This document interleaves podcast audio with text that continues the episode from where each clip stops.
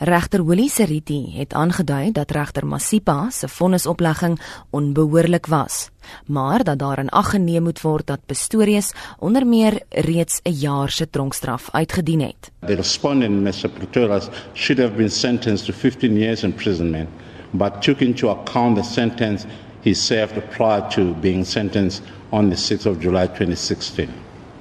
The respondent had already served a period of 12 months and 12 months imprisonment and correctional supervision for a period of 7 months and he was given credit for that.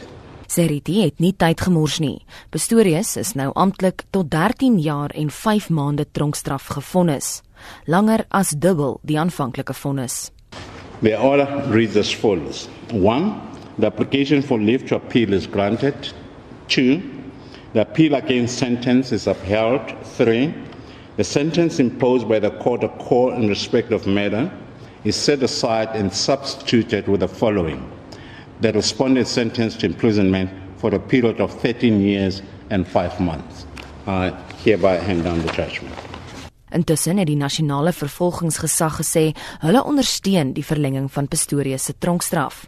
Die NVG se woordvoerder, Luvuyo Mfaku, sê geregtigheid moet geskied, ongeag wie betrokke is. We believe that the sentence is in the interest of justice. We've always maintained that uh, it is not about an individual, but about uh, the interest of proper administration of justice. Dit was die woordvoerder vir die NVG, Luvuyo Mfaku.